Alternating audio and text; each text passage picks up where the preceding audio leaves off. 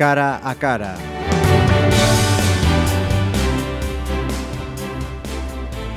Pues muy buenas a todos, bienvenidos. Esto, aunque no lo parezca, es una nueva edición de Cara a Cara. Digo aunque no lo parezca porque habitualmente su presentadora, Marisa Ciordia, nuestra compañera, nos ha cedido hoy el testigo por aquello de que la persona, el personaje, la personalidad que nos acompaña es una figura del periodismo deportivo a nivel nacional.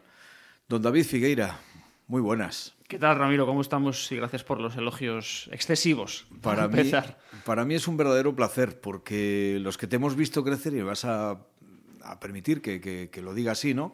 Desde casi un baby, ¿eh? aquí en tus inicios en Radio Pontevedra, con, con muchos de nosotros y demás, y quien te ve ahora como presentador de Estadio 1 de Teledeporte, quienes hemos disfrutado también pues narrando para Radio Nacional de España el Mundial de Motociclismo desde cualquier esquina del mundo, pues la verdad es que a mí me llena de orgullo decir que David Figueira es pontevedrés y además ejerce por ahí adelante. Sí, sí, y a mí me llena de orgullo serlo y ejercer de ello y recordar que hace ya 16 años que nos conocimos. ¿eh? Cómo Que pasa el tiempo, ¿eh? Pasa el tiempo, no peinábamos canas, que ahora las peinas tú, las peino yo también. Bueno, yo ya casi ni las peino. Bueno, todavía, todavía apenas. Eh, sí, ha pasado mucho tiempo, pero es un orgullo siempre que vengo a Pontevedra, menos de lo que quisiese, reencontrarnos, aunque sea vernos cinco minutos. Eh, y verte a ti y al resto de gente de la que aprendí, con la que crecí y recordar, pues eso, experiencias de hace 16 años que pasan muy rápido y que sirvieron para, no sé, para sentar las bases de lo que hoy en día intentamos ser y el camino que seguimos recorriendo. Si queda alguien que no te conozca todavía, cuéntale un poquito esos 16 años, cuántas cosas has tenido que hacer hasta ahora que estás en Barcelona. Hmm. No, queda mucha gente sin conocerme, evidentemente que sí, que al final uno es uno más de, esta rueda que gira. Sí, seguro que sí, hombre. Eh, yo, como sabes, me incorporé como becario, redactor de prácticas en Radio Pontevedra en el verano del 2000 y estuve hasta septiembre del año Tuviste 2003. unas consecuencias del efecto 2000, ¿no? Sí, Aquel famoso. exacto. Que parecía que se iba a Eh, acabar el mundo y no pasó nada. De momento no se ha acabado. Han pasado 16 años y no se ha acabado. Y visos de acabarse no los tiene.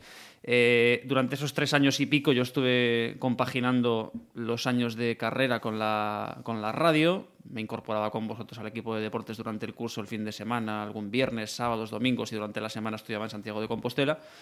Y una vez terminada la carrera en el verano de 2003, todo ese verano ya estuve contratado con vosotros haciendo un poquito full time, un poquito de todo. Y, en bien. septiembre, bueno, eso Se lo digo yo. bueno, pues ya está. Pues si lo dices tú, no hay ninguna pega que poner. Y en septiembre de ese año tuve que decidir entre quedarme aquí, porque tenía una propuesta para quedarme eh, como trabajador en Radio Pontevedra, y supongo que empezar a echar más raíces aquí de las que ya había echado, o eh, buscarme la vida por otro lado y seguir creciendo.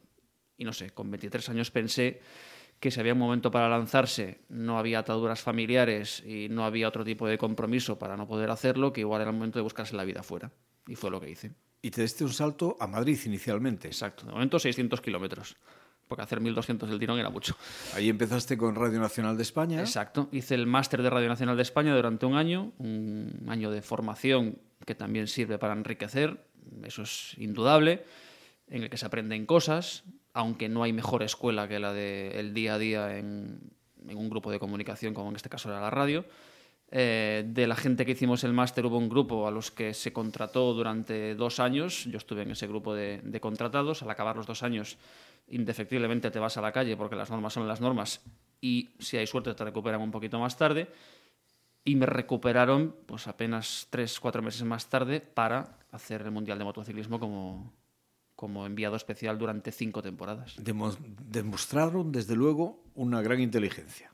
Porque yo recuerdo muchas retransmisiones de David Figueira con el Mundial de Motos en Radio Nacional de España y con una faceta poco conocida tuya, la ¿Cuál? de imitador de Valentino Rossi. Pues no, no, no me saques eso, que me da mucha vergüenza.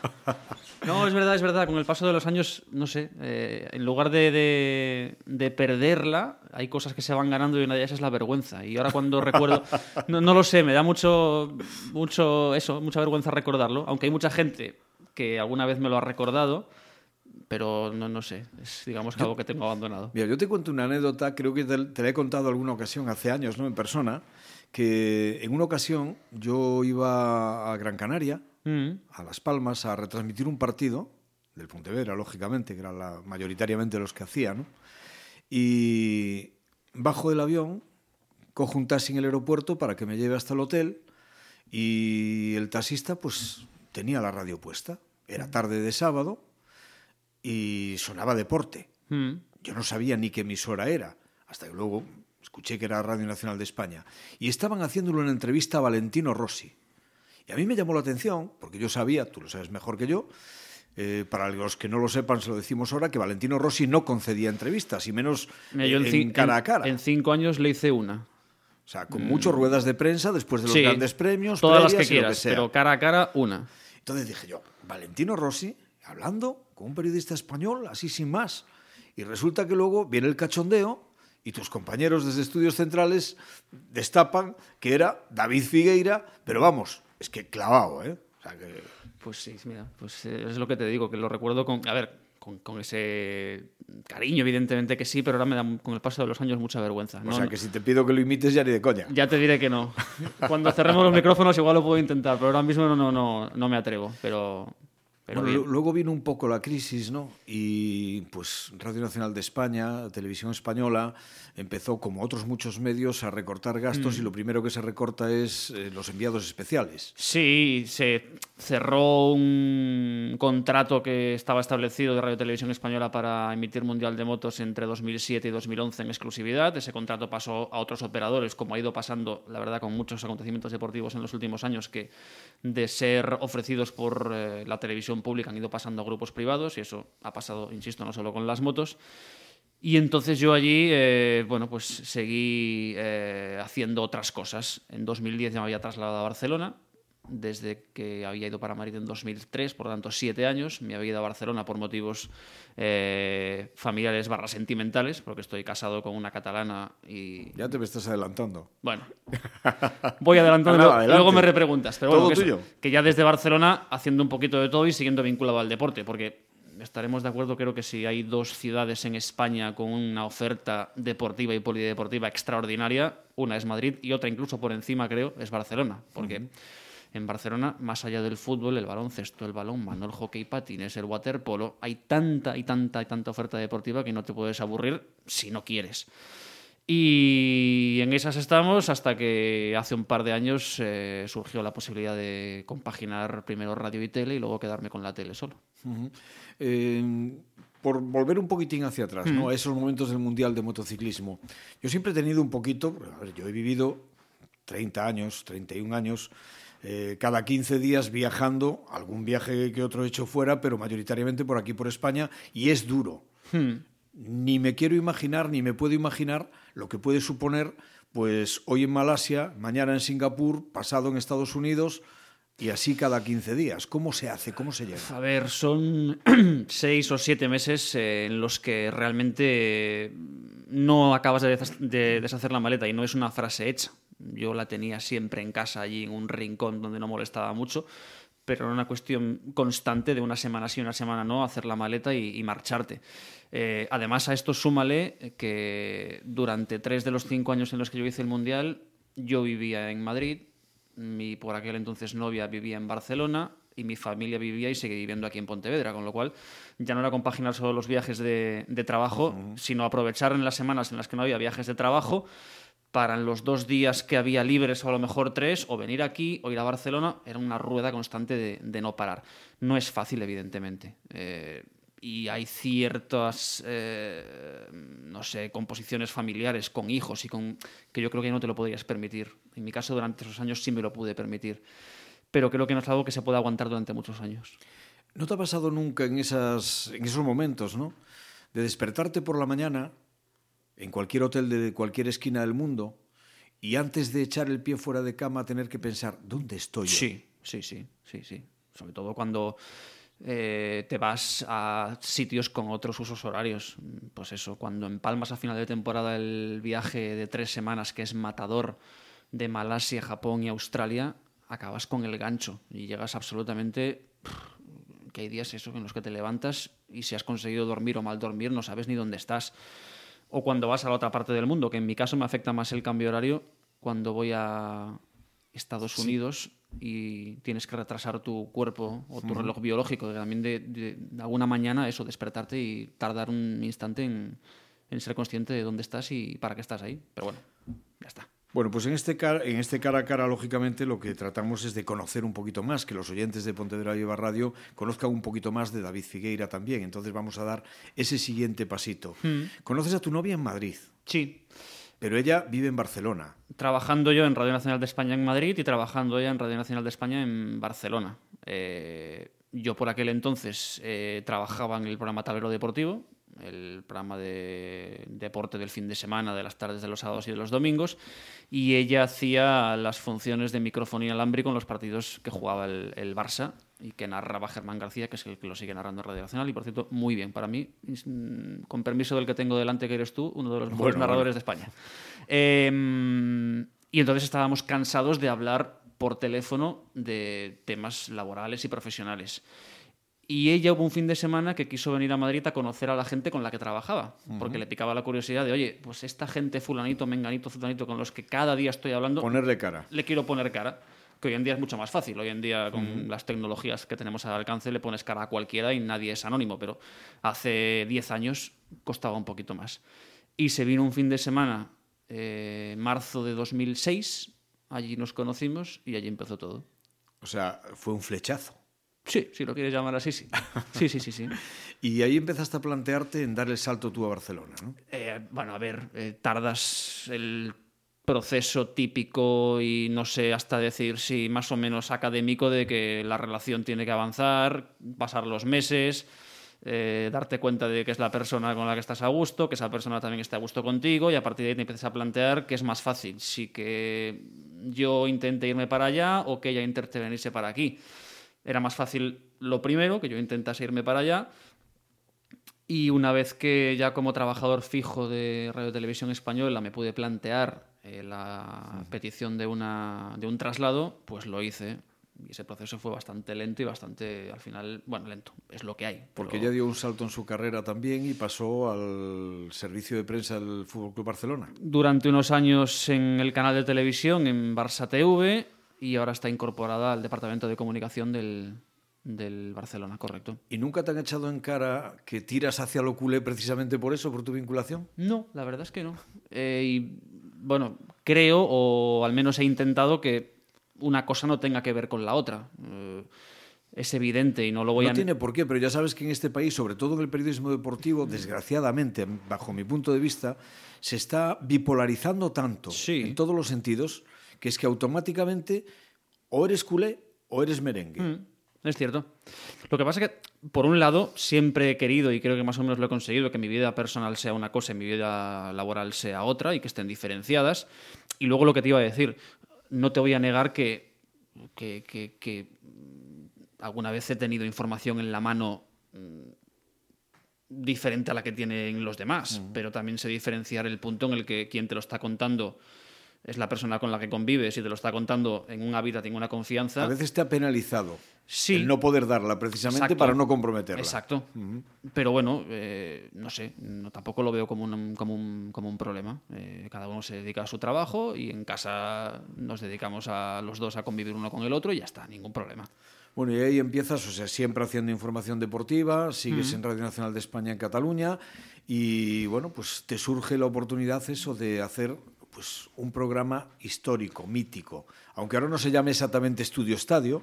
Bueno, se llama Estudio 1. Estadio ha vuelto a recuperar el nombre. Eh, hace unas semanas que Estadio 1 como tal dejó de emitirse por el conflicto que hubo con el resumen de los partidos de la Liga y ahora vuelve a denominarse Estudio Estadio que probablemente como concepto esté lejos de lo que fue en su día y que fue el programa histórico, pero como nombre sí se ha recuperado. Y eso sí, hace un par de años me llegó esa oportunidad de, de, de poder hacerme cargo en su momento un día a la semana de ese programa nocturno barra tertulia de análisis y de debate de, de fútbol. ahora ya son tres días. Que ahora en Barcelona son tres días, lunes, martes, miércoles, y en Madrid es el resto de la semana. Uh -huh. mm.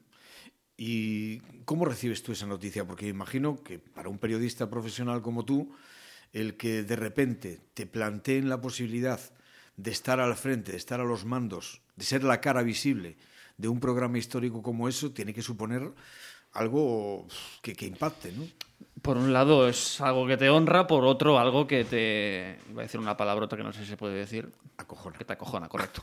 Eh, a ver, quien me lo plantea es una persona que me conoce bien. Y durante esos cinco años que te comentaba que estuve dando vueltas por el mundo con el Mundial de Motos, el jefe del operativo de Radio Televisión Española, que es la persona que me lo propone, nos conocemos mucho, me conoce, sabe cómo soy, lo que me gusta, lo que no me gusta, y es él quien me lo propone. Mm, sin haberme visto hacer televisión nunca que yo lo poco que había hecho es lo que había hecho con vosotros aquí en la época de, de, de local de televisión Pontevedra, pero nada más. Bueno, mm, aparte es de un día para otro, porque es desde que me lo plantea, ¿te gustaría, no te gustaría? Sí, no, tal. Al final la decisión viene de un día para otro y de un miércoles para mañana empiezas. Bueno, pues todo aquello del proceso previo. Flojera de piernas. Sí, y del proceso previo que debería ser, y que yo creo que debe ser, a lo mejor, de hacer un programa piloto, una... pues no, al final lánzate al ruedo. Y evidentemente el primero no fue el mejor programa de mi vida. Eh, y el segundo fue mejor que el primero. Y el tercero mejor que el segundo. Y espero que el de la semana que viene sea mejor que el de anoche. Pero bueno, mmm, fue el inicio de un camino que de momento continúa. Y a partir de ahí compaginando también con la faceta de narrador de los partidos en abierto de televisión española. Mm. Pero ahí te quería llegar yo también un poco. No estamos entrando en un mundo que no es el ideal para un buen periodismo deportivo, desde ese punto de vista me refiero. O sea, tener que narrar desde un estudio no coarta demasiado, no limita. Sí, no es evidentemente la mejor de las condiciones. Eh, y cuando has tenido la oportunidad de probarlo en una y otra circunstancia, te das cuenta de las diferencias. Yo en la época de radio tuve la ocasión de narrar partidos in situ y comparado ahora a hacerlo por la tele, evidentemente cambia muchísimo las cosas. Y tú lo sabes bien. En un campo tienes una visión global del terreno de juego que aunque el balón lo tenga el lateral izquierdo, puedes observar en un momento determinado un movimiento por la parte derecha. O intuir hacia dónde va a ir la jugada para. Hacia dónde va a ir la jugada y te puedes anticipar. El plano en la televisión es muy limitado y por lo tanto tienes que ceñirte estrictamente a eso. Con lo cual no es la mejor de las condiciones, pero hoy en día es la que hay y lamentablemente tengo la sensación de que se tiende a eso. Desgraciadamente sí, esperemos que, que vuelvan otra vez las cosas a la normalidad porque, hombre, yo sinceramente que se gasten millonadas ingentes en comprar los derechos de un producto y luego maltratar ese producto, me parece que no es el mejor camino, evidentemente. Lo digo porque entre lo que paga un canal de televisión por los derechos de una determinada competición y lo que puede costar desplazar a un locutor para hacer un partido es que es el chocolate del oro. Sí, yo más que maltratar el producto, que tampoco lo definiría tanto así, es eh, limitar la capacidad que tendría el locutor, en este caso eh, yo de, de, de, hacer mejor su trabajo. Sí, de contar lo que está pasando. Exacto, y de contarlo eh, más y mejor. Ahora bien, son las condiciones que hay y en esas condiciones hay que hacerlo de la mejor manera posible. Y tú diriges ahora mismo, presentas un programa también de tertulia, de debate. Mm. Obviamente, eh, lo que decíamos antes, ¿no? la polémica está instalada en el fútbol cada vez más y el periodismo de camiseta también. ¿Tú qué opinas de ese tipo de periodismo? A mí no me gusta. Eh, y siempre que me lo han preguntado, siempre lo he dicho. Y no me gusta polarizar los programas eh, que yo presento en una guerra abierta, siempre el Madrid en un bando y el Barcelona en el otro. Es evidente que la mayor parte del tiempo de los programas al final se acaba invirtiendo en eso, en hablar del Madrid y de si con Zidane está mejor que con Benítez y en el Barça de Luis Enrique y que si Messi, Suárez, Neymar, etcétera, etcétera. Pero me gusta darle también tiempo a otros equipos y tiempo a otras aficiones y a otros espectadores que quieren también saber de los suyos. Y parto de la base de que como idea principal antes de empezar un programa no quiero convertirlo en un campo de batalla de unos contra otros. Mm, a mí eso no me gusta y no me siento cómodo en ese escenario. Es que, hombre, a ver, está claro que todos tenemos nuestros, nuestro corazoncito, nuestros colores. Yo lo he dicho muchas veces, no lo oculto, por este orden, Atlético Cuntis, Pontevedra y en fútbol me refiero. Mm. Y luego el Barça. Pero una cosa es eso y otra cosa es que si tengo que ponerme como profesional a narrar un partido, o sea, tengo que tratar de ser lo más ascético posible. Tengo que comunicar lo que veo sin dejarme condicionar por lo que soy o lo que siento.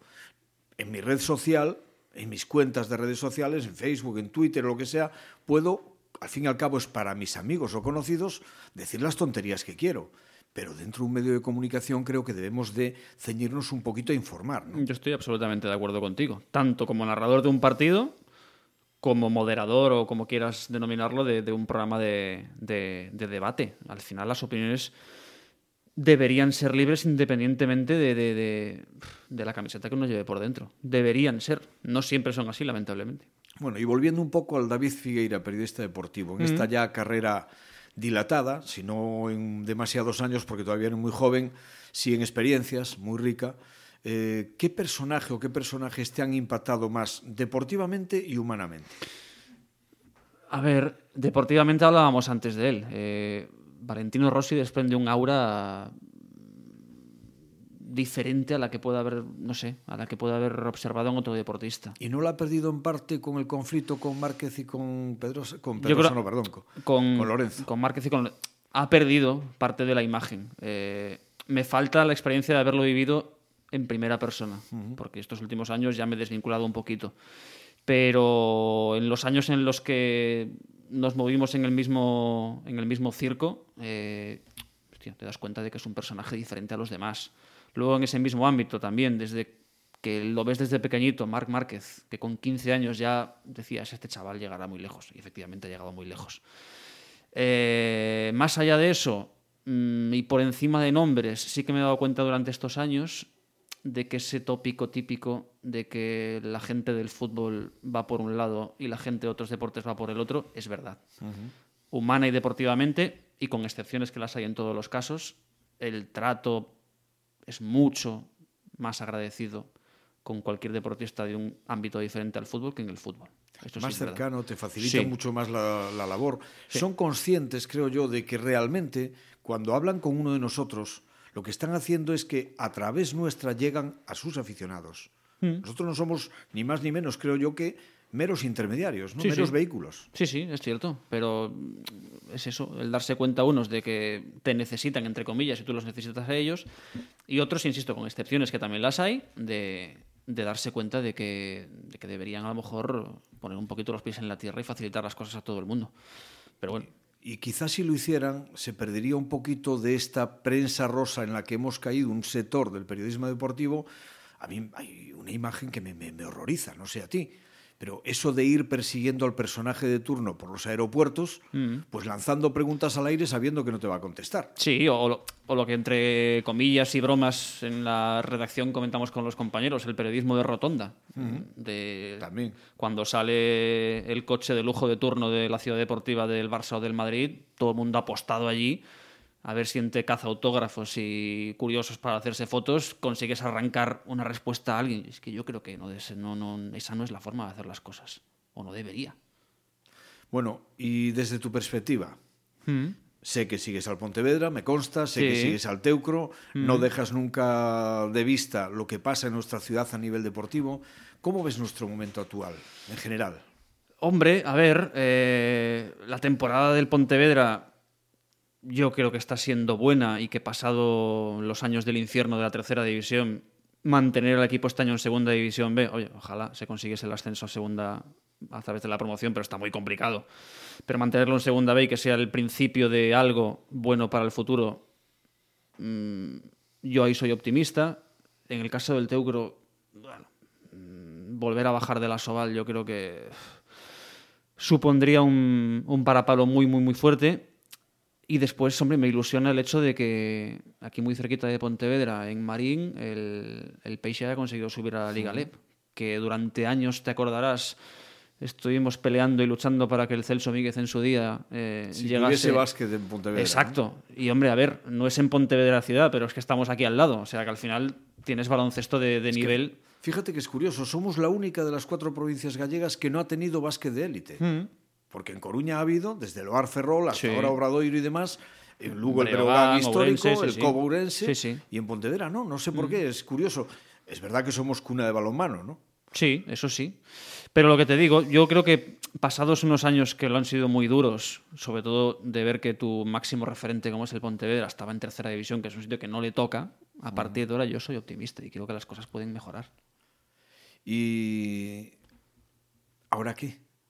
Para David Figueira? O sea, después de Estadio 1, ¿hay algún proyecto en mente? ¿Hay alguna cosa? Bueno, de momento los Juegos Olímpicos de Río de Janeiro este verano, que tendré el gusto y el honor, el privilegio de estar allí para, para televisión española. Ya no son tus primeros. Ya Son los segundos.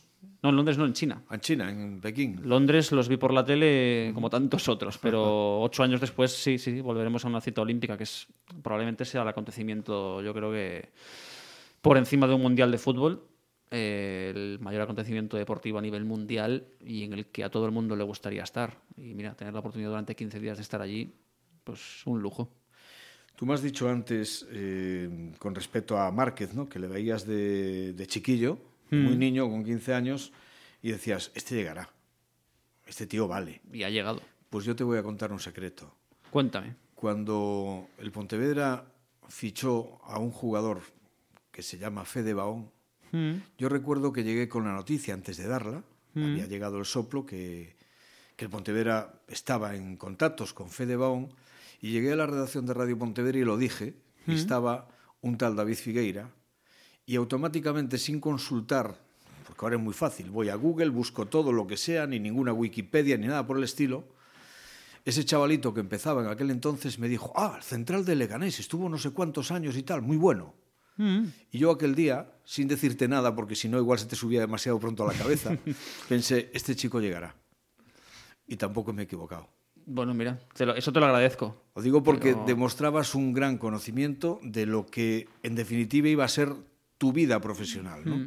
Siempre me ha gustado desde pequeño eh, y es algo que no me ha supuesto eh, un trabajo extra, el, hablando de forma coloquial, estar al loro de las cosas. Y, y volviendo a lo que hablábamos antes, mirar mucho más allá de, Barcelona y de Real Madrid. Y al final interesarse, pues eso, por el resto de equipos y más allá del fútbol, del baloncesto, del balonmano, intentar estar conectado porque el día menos pensado es algo con lo que puedes tener que trabajar. Y al final, pues mira, todo lo que aprendas y todo lo que venga a tu mente y no se vaya de ahí, pues fantástico. Soñamos juntos. ¿Qué darías por abrir un estudio estadio dentro de pocos años anunciando el ascenso a primera del Pontevedra? Oh, ¿qué daría? No sé. ¿Qué puedo dar? Me encantaría. O sea, eso partamos de esa base. A partir de ahí, ¿qué puedo dar? No sé. Cualquier cosa, pero me encantaría. David Figueira, un placer enorme, un orgullo. Cada vez que te veo en televisión, veo lo bien que lo haces y veo lo bien que va tu carrera. Porque además de ser un gran periodista, es que eres buen tío, coño. El placer es mío, Ramiro, ya lo sabes, y aprovecho ahora en público para decirte lo que siempre te he comentado a ti y a otra mucha gente que no cito a todos por no dejarme a nadie, que uno nunca olvidará, en este caso yo, la gente con la que empezó, la gente de la que se rodeó, la gente de la que aprendió, de la que sigue aprendiendo hoy en día y de la que espero seguir aprendiendo durante mucho tiempo, porque al final esto es un oficio y en este oficio se aprende cada día. Pues eso tiene un nombre, David Figueira, gracias. A ti.